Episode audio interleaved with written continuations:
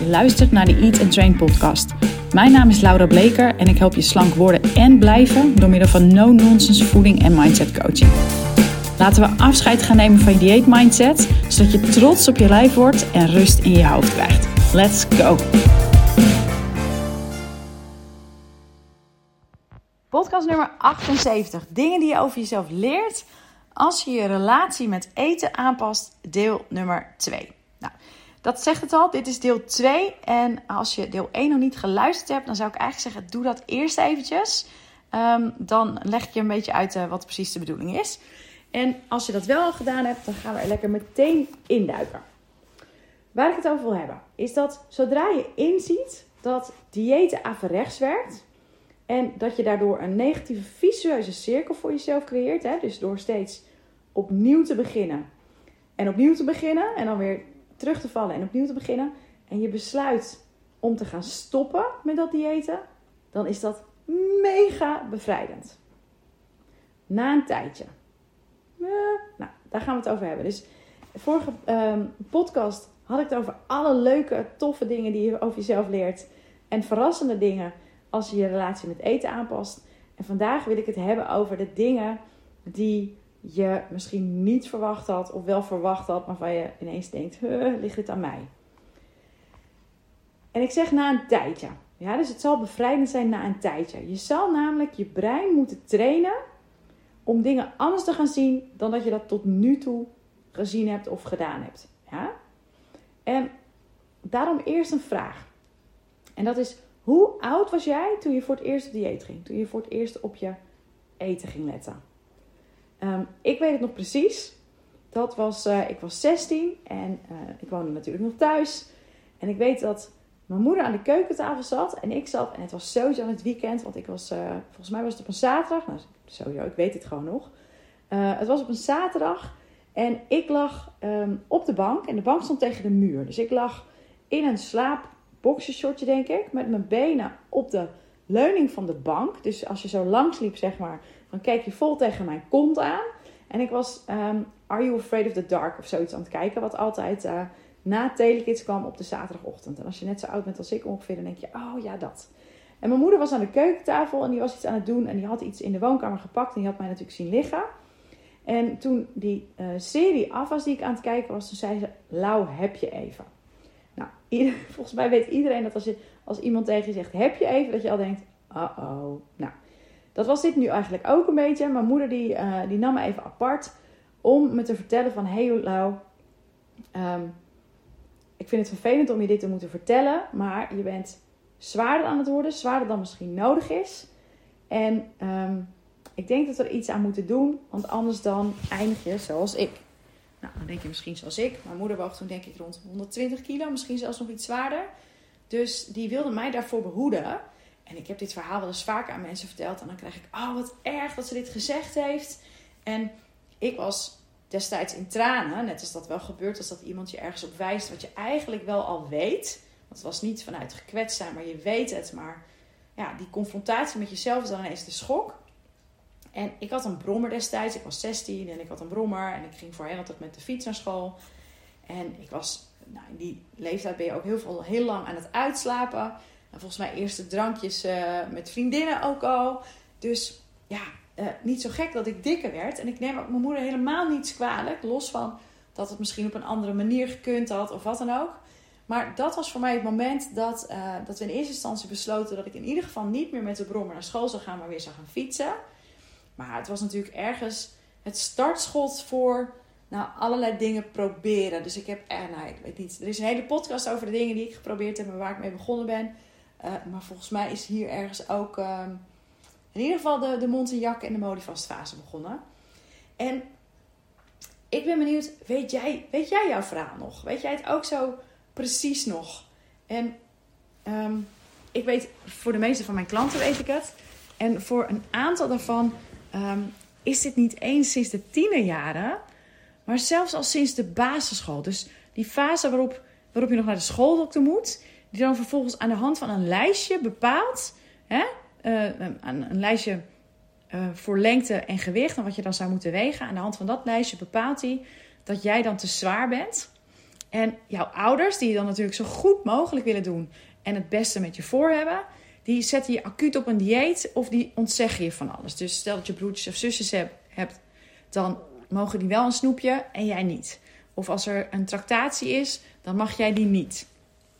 Waardoor de visueuze cirkel van schaarste, laat ik hem zo noemen, al mega jong in gang gezet is. Los van dat de overtuiging dat je niet goed genoeg bent of dat je anders bent er dan ook nog ingepeperd wordt op een leeftijd dat je daar echt veel meer vatbaar bent voor, veel meer vatbaar voor bent dan, ehm, dan later. Uh, hoe, dus, dus hoe oud was, was je en hoeveel jaar geleden is dat? Ja, dus hoe lang ben jij al bezig met eten, wel of niet eten? En heb je dus eigenlijk al min of meer een dieetmentaliteit? Nou, precies. Ik kan me voorstellen dat dat een behoorlijk lange tijd is. En dat maakt dat weer in touch komen met wat je lichaam eigenlijk wil, in plaats van wat volgens de eetregels die je hebt opgedaan in je leven, ehm, dat dat in touch komen, dat dat een leerproces is.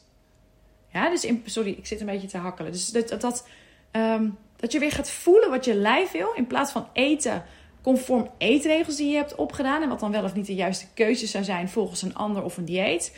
Daar, ja, dat is een leerproces. En als je het mij vraagt, en ik ben natuurlijk niet geheel onpartijdig, is dat te gek.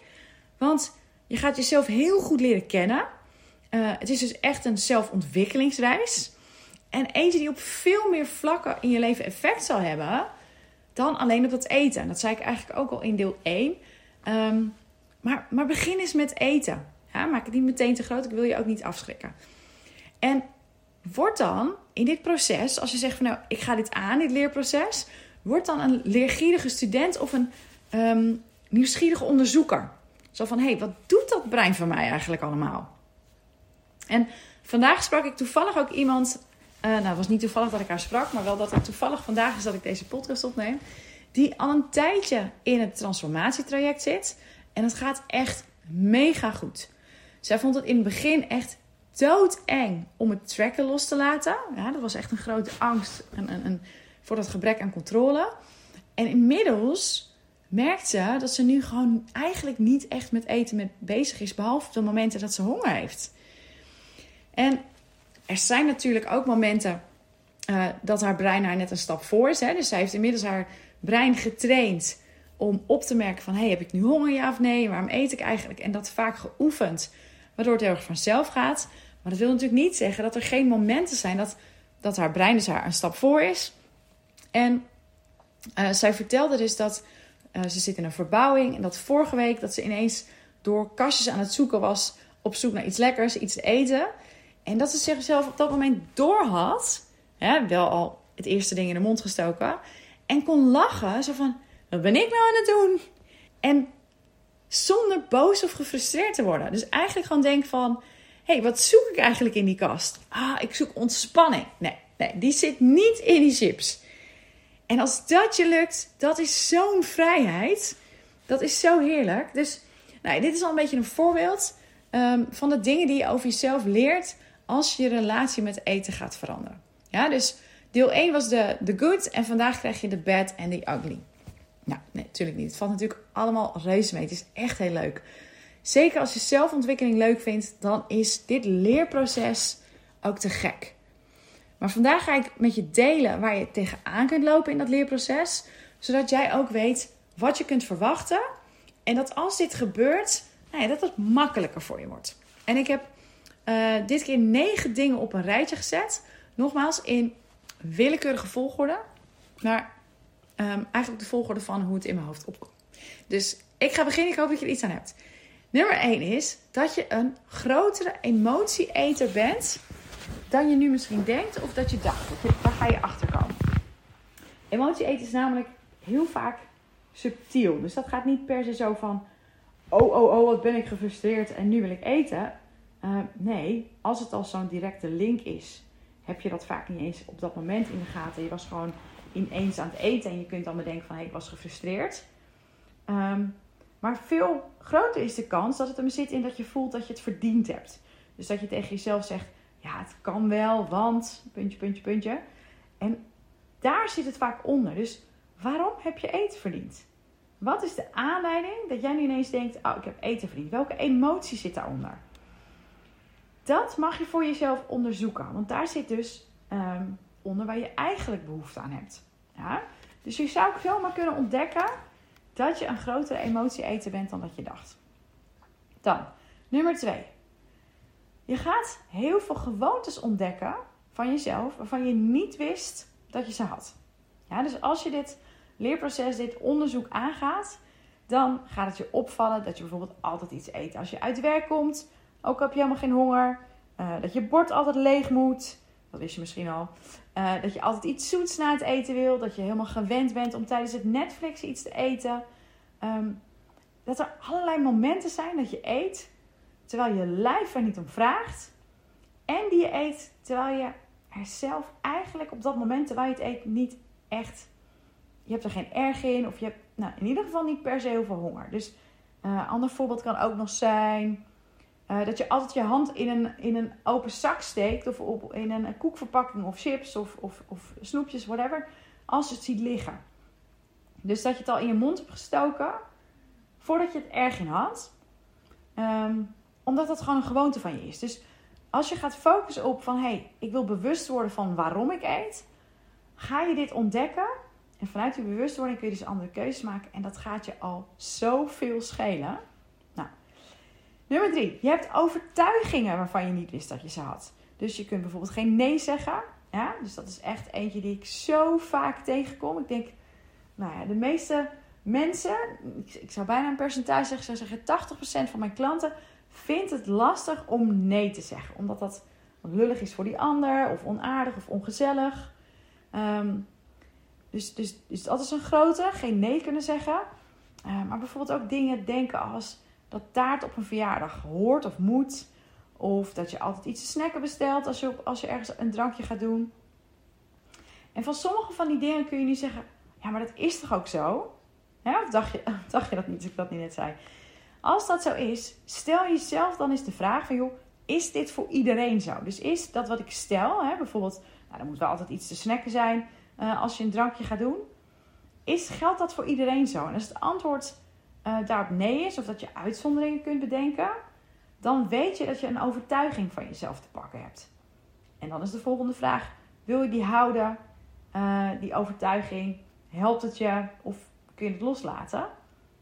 Van mij hoef je er niet vanaf. Dit is, dit is aan jou, maar het kan dus enorm bijdragen aan afvallen zonder dat jij een dieet hoeft te doen. Dan nummer 4. Je dieetmentaliteit is sterker dan je dacht. Ja, dus je bent bijvoorbeeld, uh, ik, ik werk natuurlijk met of meteen naar je hongergevoel luisteren, of je gaat eerst eens oefenen met drie keer per dag eten. Hè? En sluit daar wel altijd uit dat uh, of sluiten we uit. Daarbij geef ik wel altijd aan dat het niet de bedoeling is dat je echt mega honger hebt en jezelf gaat uithongeren. En als jouw dieetmentaliteit dan sterker is dan, dan je dacht, dan ben je geneigd om daar het hongergevoel voor drie keer per dag dieet van te maken. Ja, dus dat je merkt dat je niet mag eten van jezelf tussen die maaltijden door. En dat is natuurlijk niet de bedoeling. Ja, dus een hele sterke dieetmentaliteit in uh, uithongeren tussen je eetmomenten door of um, toch te veel denken in gezond, ongezond, goed, fout. Um, en het per se goed willen doen. Dus het moet, uh, je moet meteen uh, naar dat hongergevoel luisteren en verder niet. En je moet meteen maar drie keer per dag eten en verder niet. Ja, dus dat is echt, echt dieetdenken. En nu besef je dat ik dit dus met je deel, zodat jij ervan bewust bent hè, dat dit gaat gebeuren. Dan nummer 5 is dat je veel negatiever praat tegen jezelf dan dat je in de gaten had. Dus je buik is te dik, je heupen zijn te breed, uh, je billen te rond, je kleding staat stom of wat je ook verzint. Je haar zit niet, je doet dingen niet goed en so on. Ja, en dit, ook dit, brein is heel sneaky, gaat vaak subtiel. Ja, dus dit is niet een dat je voor de spiegel staat en denkt: Jezus, wat ben ik dik en lelijk. Nee, dit is een langs een spiegel of een weerspiegeling lopen en een beetje in gedachten zoiets hebben van: hm, zo subtiel is het. Hm. En wat je te leren hebt, is deze gedachten op te merken zonder erin mee te gaan. Dus als je erin meegaat, dat noem ik drama. Dus het meegaan op gedachten, gedachten die zeer waarschijnlijk niet waar zijn, of in ieder geval je niet verder helpen en niet aardig zijn, en daar dan in blijven hangen. Steeds op repeat op een ander moment. Waardoor je stemming opslaat, hè, je humeur verandert. En je wellicht op een later moment overeet.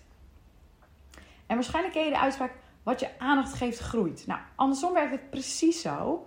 Wat je geen aandacht geeft, dat krimpt.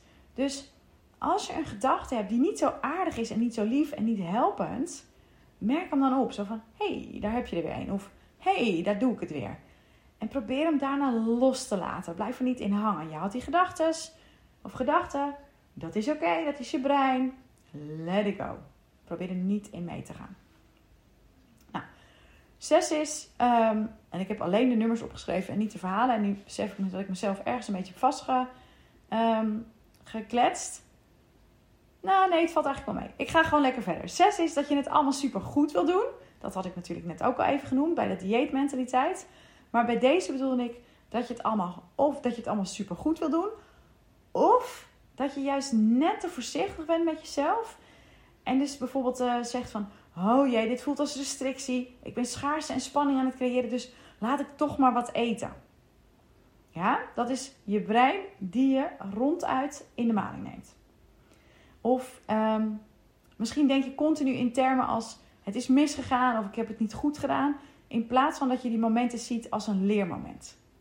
Nou, deze dingen, dus beide, dus dat, dat het supergoed willen doen of net even te voorzichtig zijn uit angst voor schaarste en restrictiegevoelens. En echt denken in, uh, in het is misgegaan of ik heb het niet goed gedaan in plaats van in leermomenten denken. Nou, dat leer ik je in mijn programma. En in dat traject, in, in, mijn, in mijn programma, kan het niet misgaan. En dat geldt dus nu ook voor jou. Als jij komt opdagen voor het proces, voor je leerproces, dan zal afvallen daarvoor echt, daarvan echt een logisch gevolg worden. Ja, het kan niet misgaan. All you have to do is opkomen dagen. En dan gaat het uiteindelijk vanzelf. Als jij het werk doet. Nummer 7. Als je eenmaal door hebt hoe je brein werkt en hoe afvallen zonder dieet werkt, dan wil je het ook aan anderen vertellen.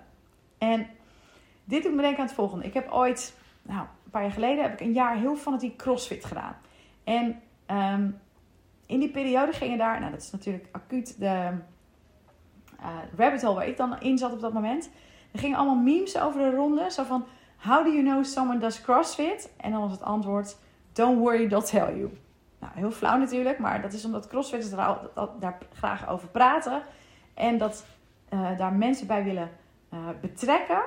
En er daar, ja, veel, daardoor veel over praten. En ja, misschien zit je er helemaal niet op te wachten, maar ze zullen het je vertellen. En diezelfde grap wordt trouwens ook vaak gemaakt over vegan. Zo van, nou, hoe weet je dat iemand vegan is? Geen zorgen, dat zullen ze je al vertellen. Nou, zo werkt het ook een beetje als je dit doorkrijgt. Als jij doorhebt hoe je brein werkt en hoe afvallen zonder dieet werkt. En je hebt dus door hoe simpel het is. Ja, dan wil je dat gewoon ook aan anderen vertellen. En dan krijg je reacties als zoals ik ze vaak krijg van... Lau, dit is zo simpel. I know, dat is het ook. Dat is het ook. En ja, wat mij betreft weet, uh, weet heel binnenkort iedereen dit. Dus dat was punt 7. Nummer 8, we hebben er nog twee te gaan. Is dat je, wat je over jezelf leert, is dat er een grote saboteur in je leeft. En die saboteur noem ik ook wel je oerbrein. En dat oerbrein, je hebt me er misschien vaker over gehoord, die wil jou te alle tijden veilig houden. En daardoor komt hij me toch met een hoop onzin op de proppen. En dat gaat vaak helemaal onbewust. Hè? Dus ineens merk je dat je bijvoorbeeld werk aan het uitstellen bent en dat je gaat eten. Ehm, omdat als je dat afmaakt, dat je bijvoorbeeld een volgende stap, uh, dat dat een volgende stap in je carrière kan betekenen. Wat natuurlijk super spannend is. Of dat als je, dat als je streefgewicht, uh, of dat als je in de buurt van je streefgewicht komt, dat je s'avonds dan ineens weer cravings hebt voor crackers of wat dan ook. Onbewust.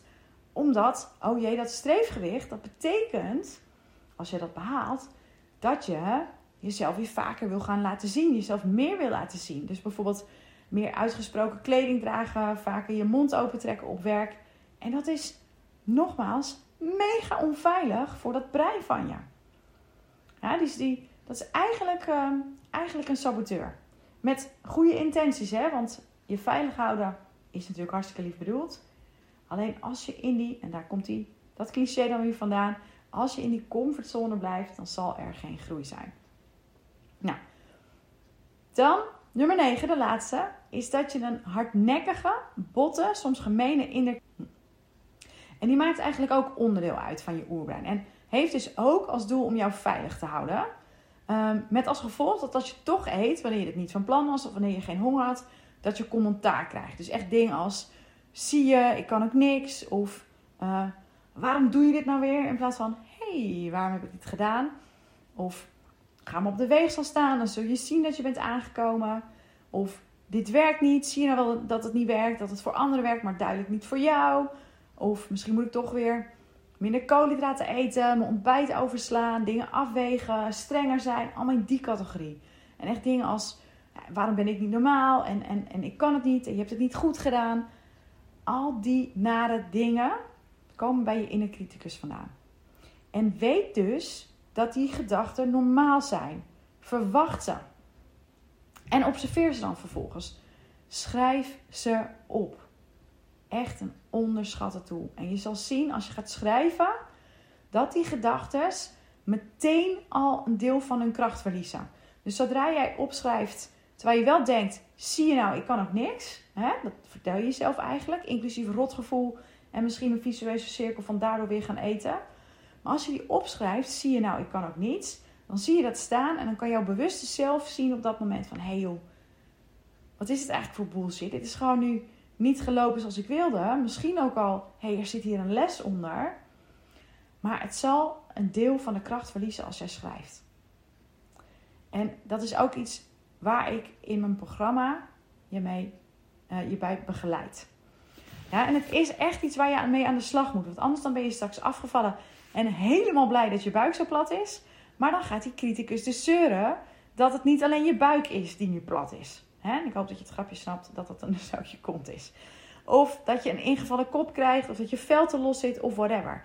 En tevreden zijn met jezelf is ook iets wat je kunt trainen.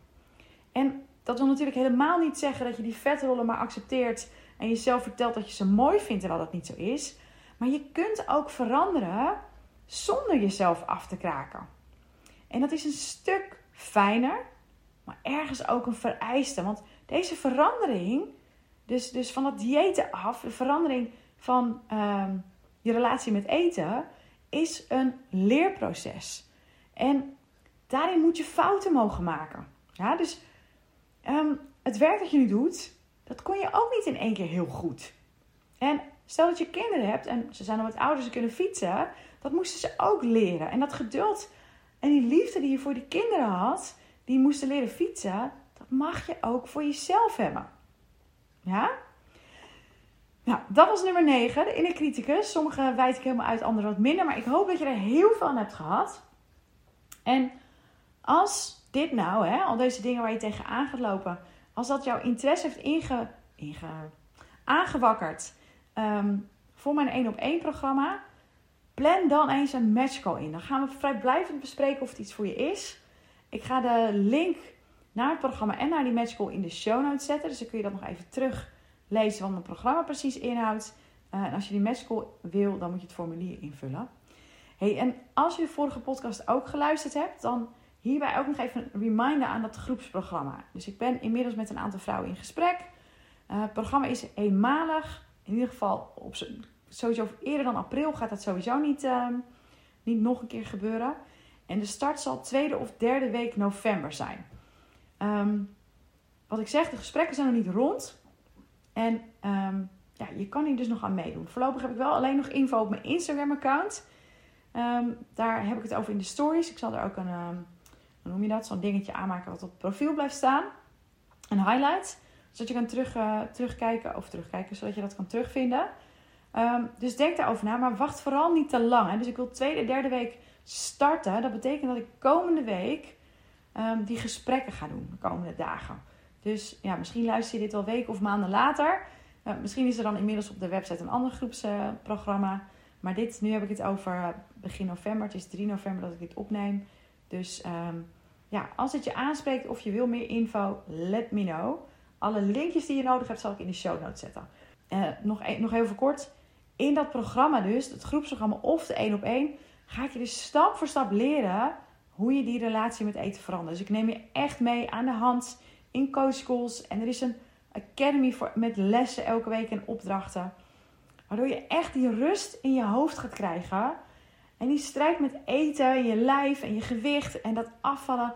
Ehm, dat wordt allemaal verleden tijd. Of ja, het strijd met het afvallen. Het afvallen wordt echt een logisch gevolg als je die relatie met eten verandert. En al die uitdagingen, de dingen waar je tegenaan gaat lopen, die ik hierboven heb beschreven. Dat is niet om je bang te maken. Hè? Dat is zodat je weet van, hé, hey, dit kan maar gebeuren. Dat is helemaal niet gek. Dat hoort er gewoon bij. En het zijn los, um, los voor los, stuk voor stuk, allemaal dingen waar ik je op coach. Zodat je sneller gaat dan wanneer je het alleen doet. Zodat je dieper gaat dan wanneer je het alleen doet. En dat dat resultaat daardoor ook echt voor altijd is. Ja? Stuur me een DM of een mailtje. De details staan in de show notes. En dan ga ik hierbij afsluiten. Dankjewel voor het luisteren en tot volgende week.